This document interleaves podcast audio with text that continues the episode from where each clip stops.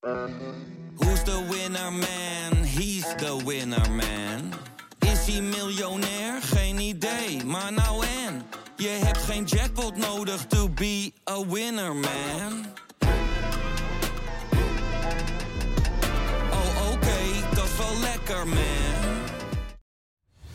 Wil jij genieten van de beste VI Pro artikelen, video's en podcasts? En wil jij nog meer inzichten krijgen rond al het voetbalnieuws? Word dan nu lid van VI Pro. Voor exclusieve podcasts, tactische analyses, interviews met spelers en financiële inzichten. Ga nu naar vi.nl slash zsmpro voor de scherpste aanbieding. Ja, welkom bij een nieuwe aflevering van VZSM, de ochtendpodcast van Voetbal International, waarbij we uitgebreid stilstaan bij het actuele voetbalnieuws. Mijn naam is Jarne Verwij en ik zit met niemand minder aan tafel dan Pieter Zwart. Pieter, goedemorgen. Goedemorgen, het seizoen is begonnen. Het seizoen is zeker begonnen en we gaan het nodig bespreken. We gaan het even hebben over de Johan Cruijffschaal, Community Shield. We gaan het hebben over het Nederlands vrouwenelftal, maar we beginnen eventjes uh, ja, bij de wedstrijd tussen Feyenoord en PSV. Hoe heb je daar naar gekeken? Met interesse. En je bent toch een beetje benieuwd uh, hoe gaat het eruit zien ten opzichte van elkaar. Je hebt natuurlijk die oefencampagnes gevolgd. Alleen, ja, het is toch anders als het uh, om het echt uh, is. En je bent ook wel benieuwd, ja, die twee teams tegenover elkaar, wat gaat er dan worden? Nou, dat, dat werd een beetje wat Slot woensdag al voorspelde. Namelijk heel leuk voor de trainers, maar niet per definitie ja, een gigantisch spektakel voor de neutrale toeschouwer. En ja, dat was op zich wel opvallend natuurlijk dat ja, veel mensen dachten Feyenoord is verder dan PSV. Maar in deze wedstrijd, ja, PSV... Dacht jij dat ook trouwens? Nou ja, op basis van de voorbereiding was dat wel een logische gedachte. En uh, bij Feyenoord zijn ze natuurlijk ook al langer bezig uh, met dingen. En tegelijkertijd, als je gaat kijken naar waar zitten ze nu in de voorbereiding, dan ja, voor PSV staat dinsdag al een van de belangrijkste wedstrijden van het jaar uh, op het programma. Omdat ze uiteindelijk die groepsfase van de Champions League moeten gaan bereiken. En dat is ook reden geweest voor PSV om heel snel te gaan investeren. Dus in Lang is gekomen, Ricardo Peppi is gekomen.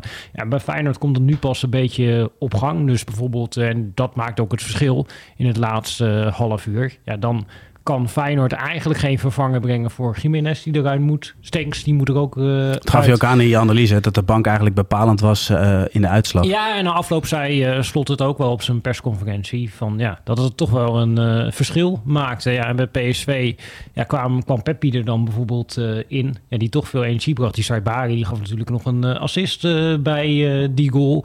ja, en fysiek stond PSV er ook heel goed op. Dat is denk ik ook wel een compliment ja, aan de hele staf van Bos dat ze dat voor elkaar hebben gekregen. Want het ging natuurlijk vaak vorig seizoen over intensiteit. Dat Feyenoord veel intensiteit kon brengen. Nog alleen Twente bij die intensiteit uh, in de buurt kon komen. Nou, dat gat uh, is in ieder geval door PSV uh, gedicht in een hele korte tijd. En dat is, dat is wel knap in zo'n korte tijd, hè? Ja, dat is heel knap. en tegelijkertijd, jij laat ook wel zien dat... toevallig had Bart Vrouws het ook uitgezocht... dat we hebben veel ervaren trainers. Nou, Bos is natuurlijk ook een ervaren trainer. Ja, die weet ook naar jarenlang werken in het buitenland... Ja, welke fysieke waardes horen bij het spel dat hij wil spelen... en en ook ja, hoe je dat uh, conditioneel op een verantwoorde manier uh, kan opbouwen. Ja, en dat, dat zie je dan terug naar zo'n voorbereiding. Dat hij in een hele korte tijd blijkbaar zo'n elftal fitter kan krijgen dan dat ze waren. Ja, en dan was Stormkras. Jij zei net al, het seizoen is begonnen. Voor jou is het seizoen ook echt begonnen. Want jij hebt uh, al beelden zitten kijken van die ja, zeker. Ja, dan zit je op een regenachtige vrijdagmorgen naar uh, te kijken. Ze speelt natuurlijk zaterdagavond weer tegen Lask Liens. Maar ja, Sturmgraas als je er een paar keer naar kijkt, dan is wel duidelijk uh, dat dat daar een heel helder idee is. Een idee als ze de bal hebben, een idee als ze de bal niet hebben. Dat is allemaal heel erg uh, herkenbaar. En het is vooral de vraag, uh, ja, wat kan PSV daar in deze fase al tegenover stellen? En dan gaat ook wel een hele andere uitdaging worden ja, dan dat die wedstrijd tegen Feyenoord uh, dat uh, geweest is. Want ja, tegen Feyenoord moest PSV hard werken om de bal te hebben. Nou, dat zal hier een stuk minder het geval zijn tegen Sturm Graz. Maar ja, ze zijn wel fit, ze zijn wel fysiek. Ze kunnen wel lange ballen spelers houden van chaos. Ze zijn geweldig in spelervattingen. Een van de, hun nemers die zei op een gegeven moment al dat hij last kreeg van zijn voet. Zoveel trainers zijn op spelervattingen. Maar ja, het is ook ik zat die wedstrijd te kijken vrijdagmorgen. Dan krijgen ze in de tweede minuut een vrije trap. Net over de middenlijn. Gewoon echt nog in de middencirkel. En hij stuurt gewoon acht spelers naar voren. eh, om die bal maar hoog de 16e in te pompen.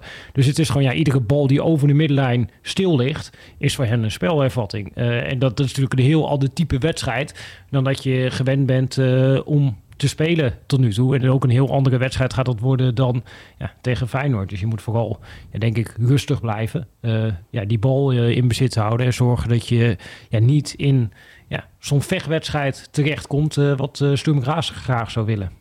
Ja, precies. Dat, eh, daar gaan we het straks over hebben. Want Andries Jonker zei ook zoiets. Eh, we spelen tegen onszelf. We komen te veel in omschakelmomenten. Dat is misschien ook een les voor Peter Bos.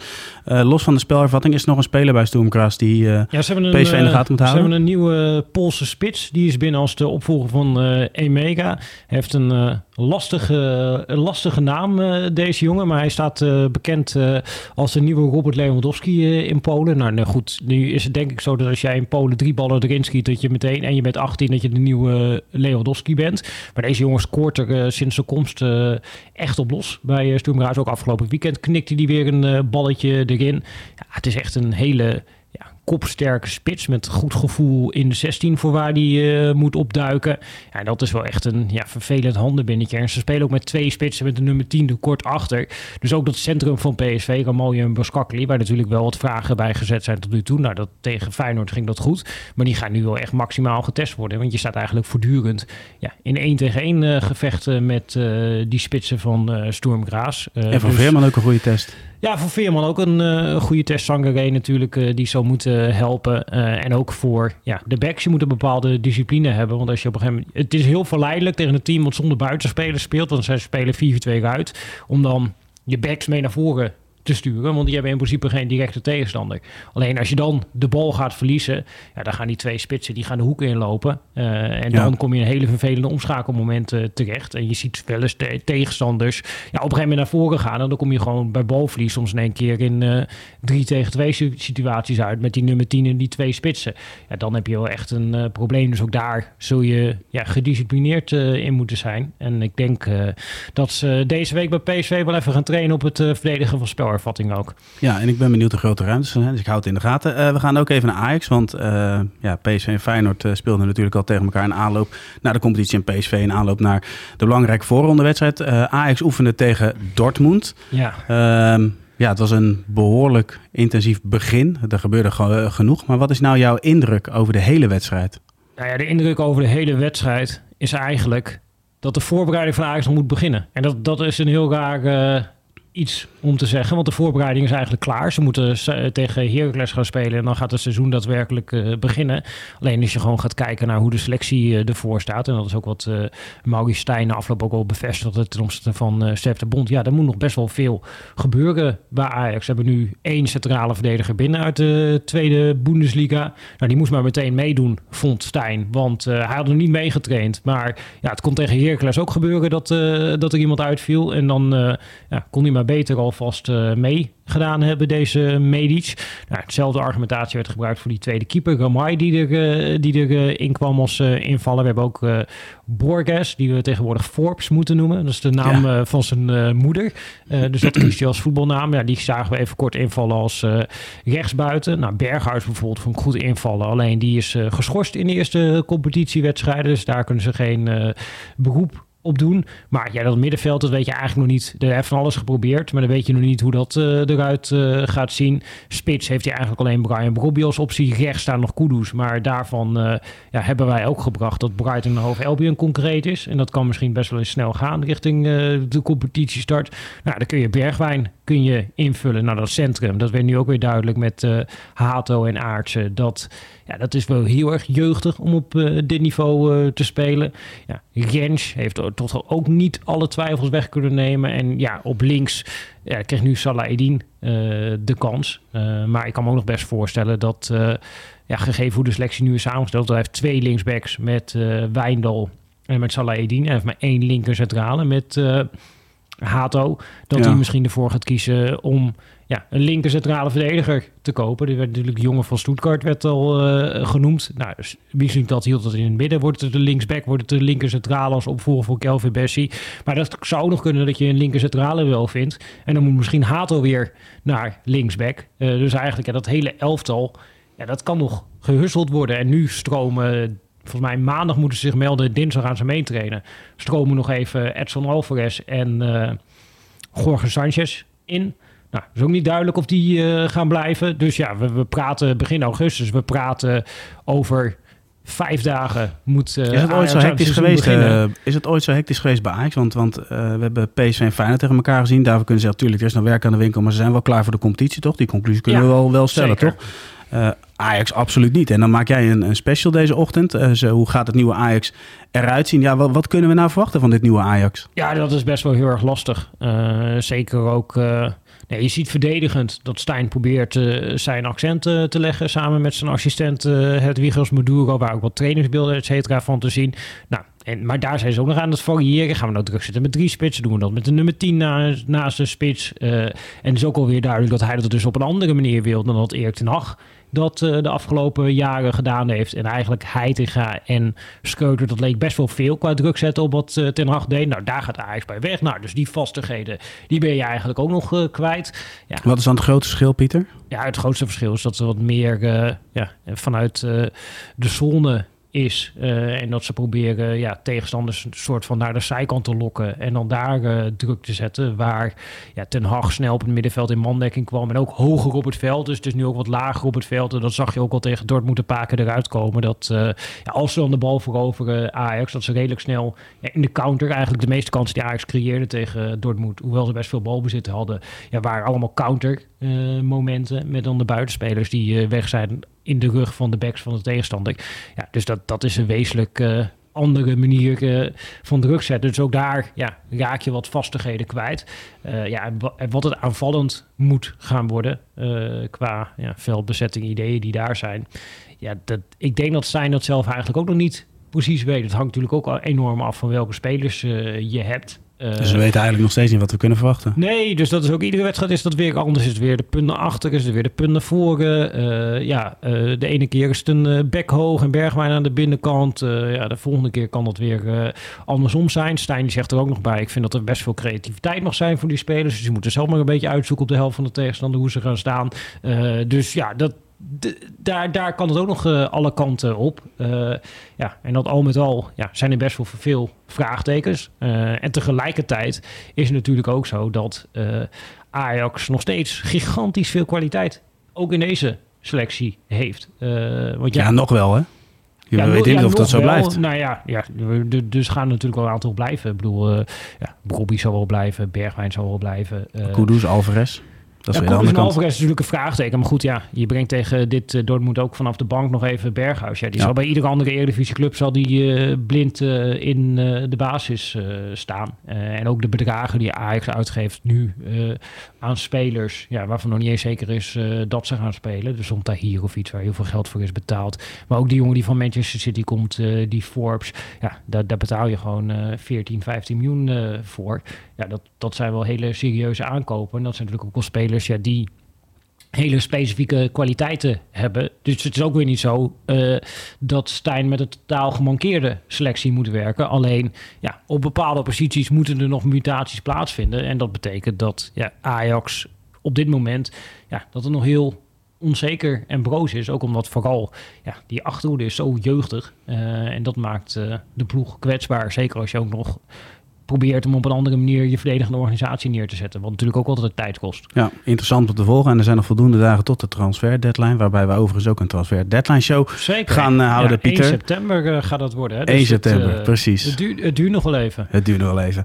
Um, we gaan even naar een speler die Ajax al eerder heeft verlaten. voor Arsenal speelt inmiddels als linksback tegen Manchester City in het Community Shield. Ja. Wat voor indruk heeft hij achtergelaten bij jou? Nou, oké. Ja, het was, niet, uh, ja, het was niet dat je kon zeggen van uh, het is uh, de, de grote uitblinker van die wedstrijd geweest. Sam Planting had ook een analyse over die wedstrijd gemaakt. Dus ja, hij, hij, deed mee. Hij was degelijk. Verdedigend was hij met name goed. nou ja, en normaal gesproken zou je denken als hij als linksachter speelt... dat je een beetje die Sinchenko-rol krijgt. Dus dat hij veel naar het middenveld kan komen.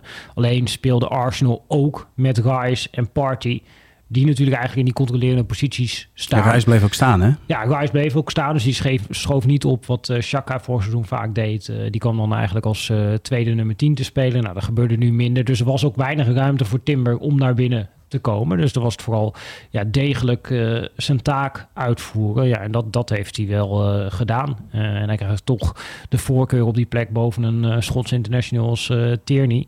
Ja, dat, dat, dat zegt toch ook wel iets over de status die hij meteen heeft verworven nu die binnen is bij Arsenal. Ja, en ja, het was gewoon een degelijke optreden tegen Bernardo Silva. is niet makkelijk. Uh, en Bernardo Silva heeft Arsenal uh, vorig seizoen op cruciale momenten nog wel eens pijn gedaan. Nou, dat gebeurde nu niet. Uh, en dat was denk ik ook wel deels de verdienste van Timber. Ja, ik zag Bernardo Silva ook op, op heel veel plekken opduiken. Maar, maar los daarvan, je had het net bij PSV fijn het over. Ja, een leuke wedstrijd voor trainers, maar misschien niet voor het grote publiek. Was dat hier ook het geval? Ja, er was natuurlijk heel weinig kansen eigenlijk. Terwijl beide ploegen probeerden om druk te zetten. Beide ploegen probeerden om uh, op te bouwen. Zeker in de eerste helft waren er uh, ja, heel weinig kansen en mogelijkheden. Eigenlijk misschien nog het grootste moment met uh, Havert, die dan als valse spits speelde. En had nog het moment met Rodri, die op een gegeven moment probeert voor grote afstand een bal over de keeper van Arsenal heen te schieten. Maar dat, dat was het wel een beetje qua gevaar in de eerste helft. Ook bijvoorbeeld Haaland, die ging er na een uur vanaf. Ja, die hebben we niet of nauwelijks hebben die, gezien in deze wedstrijd. Dus uh, ja, qua spektakel uh, niet enorm, maar de ontknoping was natuurlijk wel spectaculair. Ja, absoluut. Dan komt de Bruine, Palmer komt in. Jeetje, wat een, wat een, spelers zijn dat. Maar dan zie je wel dat, dat die eindfase is wel echt... Um, ondanks dat, dat, dat al zo heel veel met krachtige gesmeten hebben, laat maar zeggen, zo'n onwijs hoge intensiteit. We hebben het vaak over, bij slot over de intensiteit. Maar als je dan zo'n wedstrijd weer ziet en je denkt van twee kanten is niemand die verzaakt.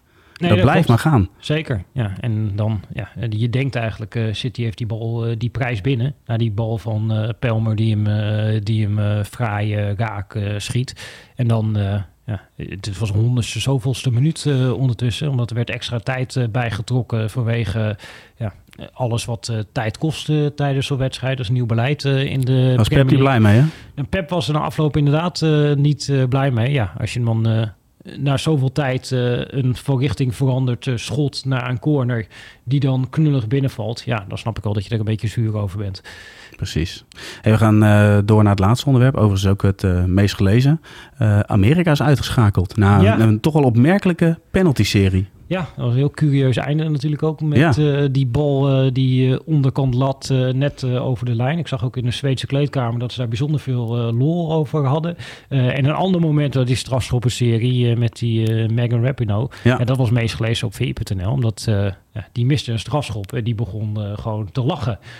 Ja, zo'n mooie carrière, dan zo'n belangrijke penalty missen. Ze zag het als een hele slechte grap. Ja, precies. Ja, en dit komt natuurlijk altijd een beetje raar over. Als je dan op zo'n cruciaal moment een strafschop mist en je begint uh, te lachen. Maar ergens kan dat ook wel weer begrijpen en volgen. Dat ja, je eigenlijk bij jezelf ook denkt, ja, wat gebeurt hier eigenlijk allemaal? Uh, en gaat nou echt dit op deze manier uh, eindigen?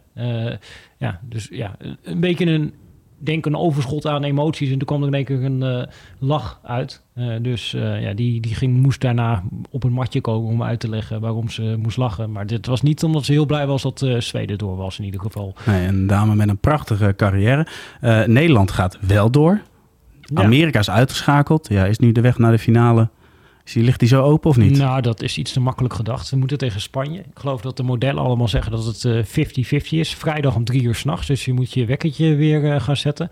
Ik hoorde dat Andries Jonker zei dat uh, het een goed idee was om dat te doen met bier en bitterballen.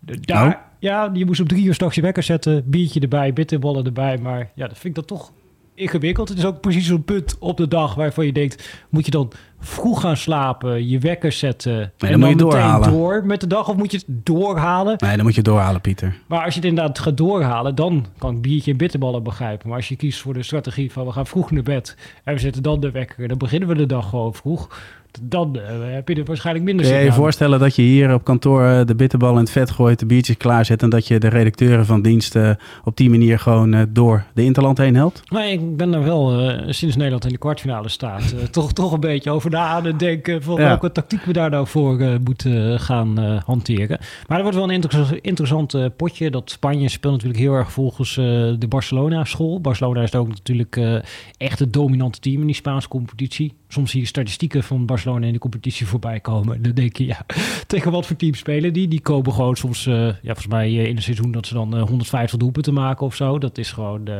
ja, enorm spectaculair hoe dominant die zijn. Ja, dus dat is een balverlies elftal ja, tegen een 3-5-2 door een Van Gaal-adept.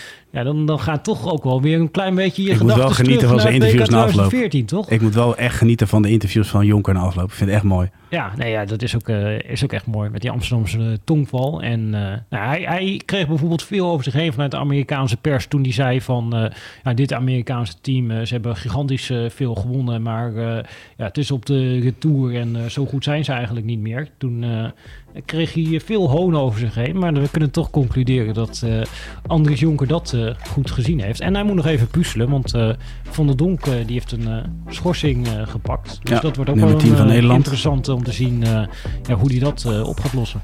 Ja, we gaan het volgen. Pieter, dank voor jij de bijdrage in deze ZSM. En tot de ZSM. Tot ZSM.